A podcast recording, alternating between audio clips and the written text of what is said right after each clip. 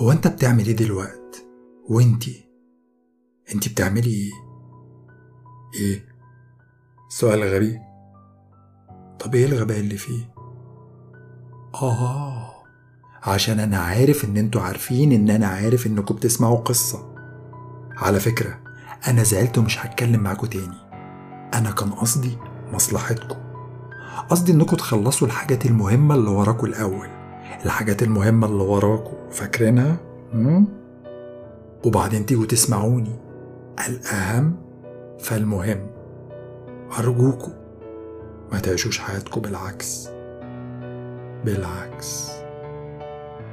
في المدينة اللي أنا عايش فيها في أسطورة مشهورة اسمها أسطورة رجل العكس.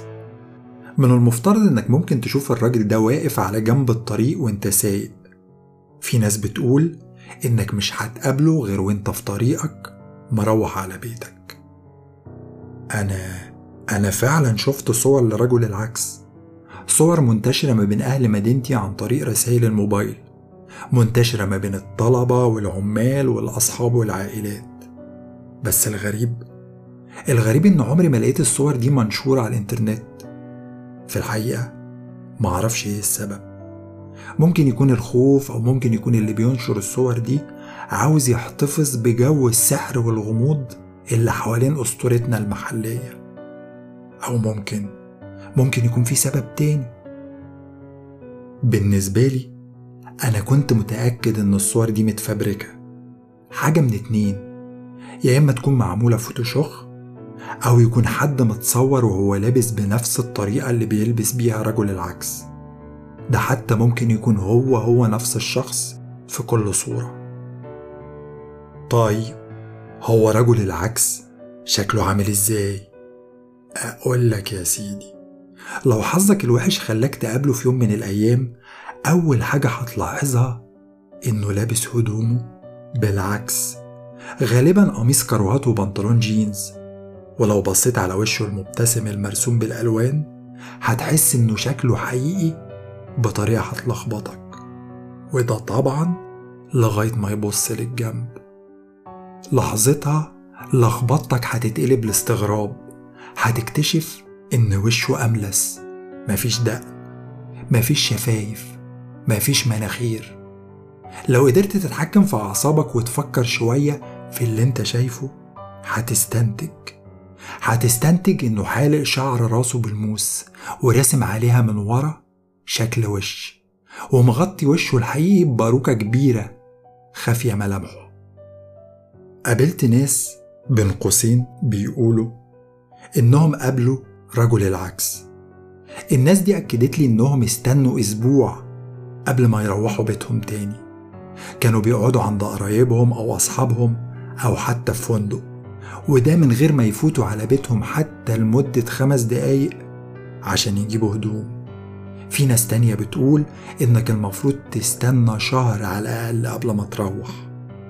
واضح إن في إجماع ما بين الناس على قانون غير مكتوب. القانون ده بيقول لو قابلت رجل العكس وانت سايق مروح بيتك ما تروحش. روح حتة تانية. استنى أسبوع على الأقل قبل ما تروح. خيال واسع. كلام فاضي. أو لو كنت من النوع المثقف شوية اللي بيحتسي القهوة هتقول هراء أنا كنت بقول زيك كده بالظبط. لحد ما قابلت رجل العكس أنا ومراتي وإحنا راجعين بالليل من السينما. ما هي اللي شافته الأول؟ هدي هدي شوية. أنا بيتهيألي إني شايف الرجل العكس اللي أنت حكيت لي عليه. واقف قدام أهو. مها كانت من مدينة تانية. أول مرة تيجي المدينة بتاعتي كان من سنة لما اتجوزنا. وطبعا لما كانت بتيجي فرصة كنت بحكي لها عن الحاجات المشهورة أو الغريبة اللي موجودة عندنا. ومن الحاجات اللي حكيتها لها أسطورة رجل العكس. تفتكر ممكن تكون مجرد صدفة إننا لسه متكلمين عنه من يومين؟ أنا عمري ما شفت حد لابس زي رجل العكس في الحقيقة. في الصور آه ماشي إنما في الحقيقة لأ. رجليا كانت بتترعش وأنا بحطها على دواسة البنزين. الدنيا كانت ضلمة وده طبعا عشان الوقت كان داخل على نص الليل. ما كانش فيه عواميد نور أو ممكن تكون كانت موجودة بس مطفية. كشافات العربية نورته. كان واقف على جنب الطريق وكان باصص لنا. لا الحقيقة إنه كان مدينا ظهره. الوش المرسوم هو اللي كان باصص لنا. وش القميص الكروهات والبنطلون الجينز كانوا برضه باصين ناحيتنا. ايديه ورجليه كان شكلهم غريب. كانوا محشورين في هدومه في الاتجاه الغلط. حاولت أضحك على المنظر الكوميدي ده بس معرفتش كنت قلقان. لما قربنا لمسافة حوالي خمسين متر منه حرك راسه في اتجاهنا. عينيه المرسومين اللي على طول واسعين اللي ما بيرمشوش بقوا باصين لي باصين لي في عينيا. وإحنا معديين جنبه ببطء رفعت ايديا شاورت له. عملت له bye bye وأنا بحاول اخفف جو التوتر اللي ملا العربية. بس هو هو ما شاورليش. بصيت على مها لقيتها بتعمل bye bye هي كمان. بس ما كانتش بتضحك. بصيت تاني على رجل العكس وده كان في الوقت المناسب عشان أشوف جنب راسه الأملس المرسوم عليه شكل وش. لحظتها الخدعة البصرية إني شايف وش اتحطمت. لما عديت وبصيت في مراية العربية اتهيألي إني شفت حاجة بتلمع تحت الباروكة اللي مغطية وشه. وبعدين اختفى. دب في الضلمة. زودت السرعة. هو كان واقف مكانه بس أنا كنت قلقان إنه يحاول يجري ورانا أو يرمي علينا حاجة. صوت مها كسر السكات. طيب إحنا المفروض نعمل إيه دلوقتي إحنا كده مش هينفع نروح. بصيت لها وبعدين إحنا الاتنين انفجرنا في الضحك. قلت لها بعد الليلة دي هنقدر نقول لكل الناس إننا قابلنا رجل العكس وروحنا بيتنا على طول من غير ما يحصل لنا أي مشاكل. تفتكر مين اللي بيقلد أسطورة رجل العكس؟ مين اللي بيعمل كده وليه؟ بقولك إيه ما تيجي نرجع ونحاول نتكلم معاه. بصي أنا رأيي ما نرجعش. ممكن يكون الشخص ده مش في وعيه أو مجنون. ممكن ده أكيد. واحد لابس هدومه بالمشقلب وواقف في الشارع بالليل. أكيد مختل. براحتك. أنت اللي سايق. بس أنا بقى لو كنت سايقة لا ثواني. قصدك إيه؟ إن أنا خايف؟ ماشي يا ستي هنلف ونرجع. وعلى رأي جدي كان دايما ينصحني لما تبقى تايه أو مش فاهم أو مش عارف أنت فين ممكن دايما تلف وترجع من مطرح ما جيت. كان بيتكلم عن الحياة يعني. بس الحقيقة وأنا بلف اليوتيرن قلبي كان بيدق بسرعة. رجعنا الطريق كله بس ما شفناش الشخص ده تاني. الطريق كان طوله حوالي 2 كيلو. يعني كان صعب إن حد يكون مشي أو جري المسافة دي كلها في الوقت القصير ده. أنا ومها اتفقنا على إن أكيد الشخص ده ساب الطريق واختفى ورا الأشجار الكتير اللي على الجنبين. فكرة إن الراجل ده مستخبي على جنب الطريق بين الشجر زودت إحساسي بالتوتر. عملنا يوترن تاني عشان ناخد طريقنا للبيت. عينيا فضلت تمشط الطريق ممكن الراجل الغريب ده يعمل حاجة مجنونة ينط من بين الشجر قدام العربية أو يرمي علينا حاجة. بس بعد دقيقتين كنا بنكمل طريقنا للبيت من غير ما نشغل نفسنا بمكان رجل العكس.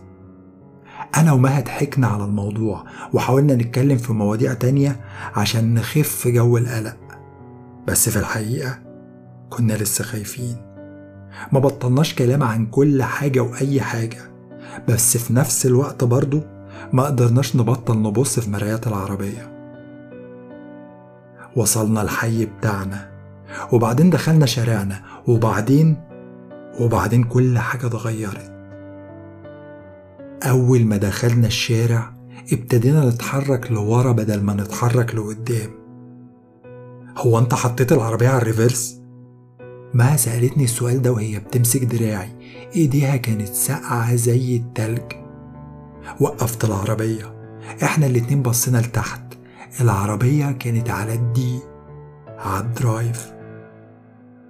شلت رجلي من على الفرامل وحطيتها على البنزين تاني. البيوت. البيوت اللي أنا حافظها. البيوت اللي بشوفها كل يوم وأنا مروح. بدل ما تقرب كانت بتبعد عننا.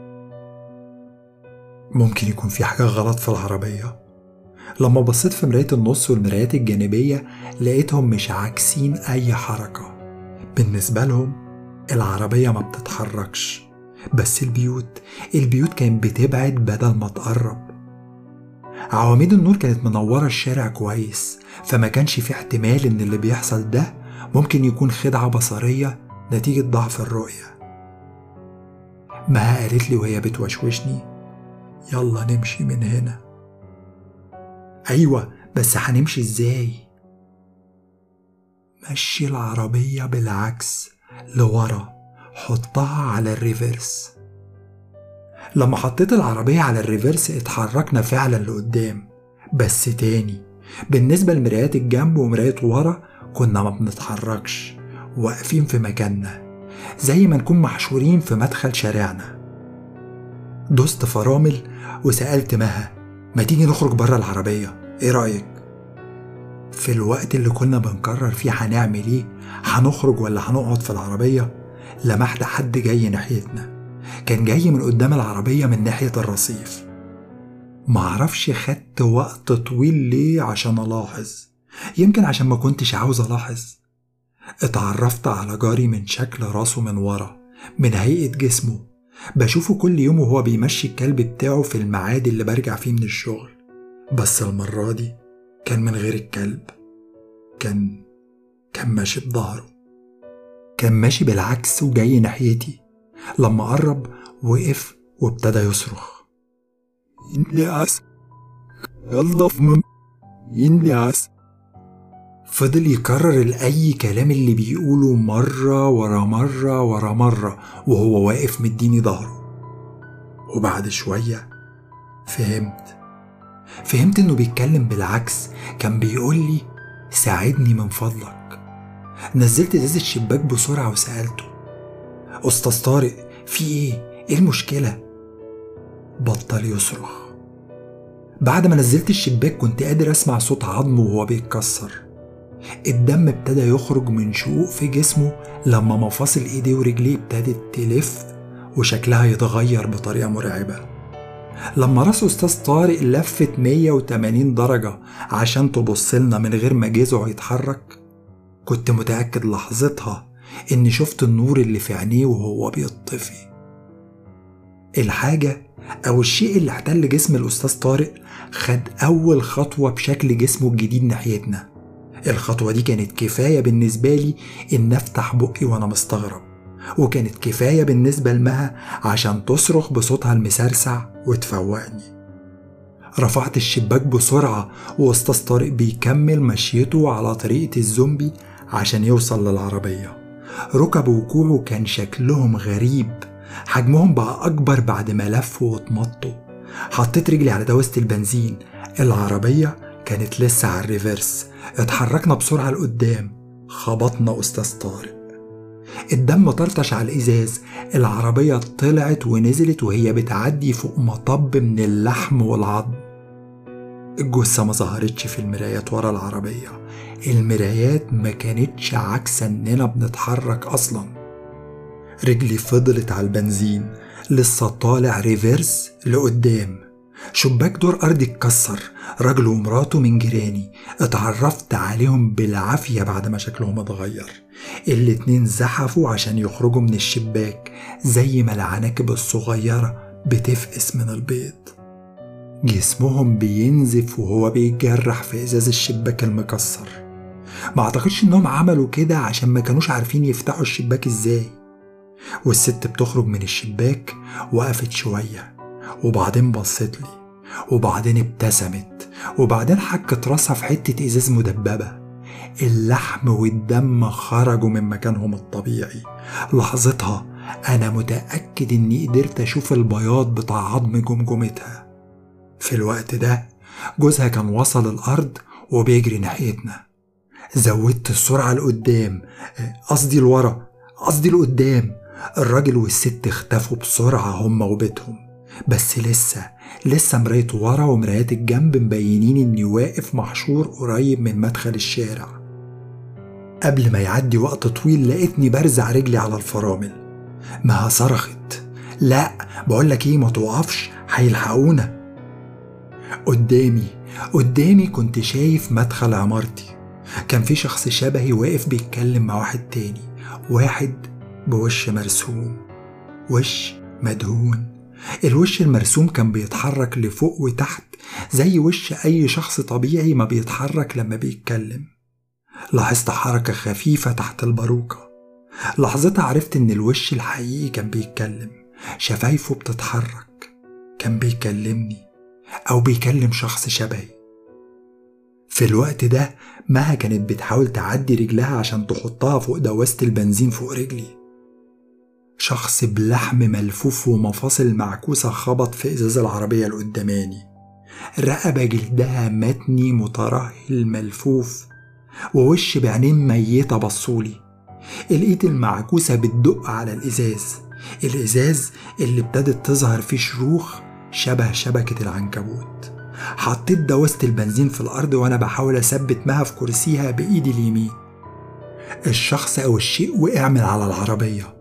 بعدها بثواني عديت فوق عيلة كاملة كانت بتجري علينا. ما كانش عندي وقت أحس بالذنب. دول مش جيراني. دول مش بني آدمين أصلا. دول أنا ومها ابتدينا نتغير. سمعت صوت عظمي وهو بيتكسر وبعد لحظة حسيت بيه. بالظبط زي ما بتسمع صوت الرعد بعد ما تشوف البرق. أنا ومها ابتدينا نصرخ في نفس الوقت وعلى نفس النغمة زي ما نكون كورس كورس الموسيقى بتاعته بيعزفها الألم والخوف. خلي راسك ورا خلي راسك ملزوقة في مسند الكرسي. قلت لمها الكلمتين دول وأنا بحاول بكل قوتي أثبت راسي لورا في الكرسي. ما تخليش راسك تلف ما تخليهاش تلف مهما يحصل لبقية جسمك. حربي ما تخليش رجل العكس يقتلنا. عارفة انت بس خرجنا من هنا. خد U-turn أو لف أو اعمل أي حاجة. لف؟ آه ألف. هو جدي كان بيقول إيه؟ آه, آه آه لما تبقى تايه أو مش عارف أنت فين ممكن دايما تلف وترجع من مطرح ما جيت. وأنا لسه ماشي لقدام reverse لفيت الدركسيون وسمعت صوت الكاوتش والعربية بتلف حوالين نفسها. ما بصيتش في المرايات. كل اللي كنت عاوزه إني أتحرك بسرعة وأرجع من مطرح ما جيت. رجل العكس كان مستني. مستني عند التقاطع اللي هيخرجني من الشارع. مستني بوشه المرسوم اللي بيضحك ضحكة ما بتنتهيش. مستني بعينيه الميتة الواسعة اللي ما بترمش. عدينا جنبه. بس المرة دي ما عملناش باي باي. عدينا جنبه وأخيرا خرجنا من الحي. ما قدرتش أسوق كتير. بس قدرت أوصل لمحطة بنزين قبل ما إيديا ورجليا ينهاروا تماما. زحفنا بره العربية عشان نرمي نفسنا في حضن الأرضية الخرسانة الباردة بتاعة المحطة. لحظتها أغمى عليا. مها قالت لي بعد كده إنها فضلت صاحية لحد ما عربية الإسعاف وصلت. الحقيقة دي حاجة ما بحسدهاش عليها. قضينا شهور في المستشفى بنعالج العظم المكسور والعضلات المقطوعة والأربطة الممزقة.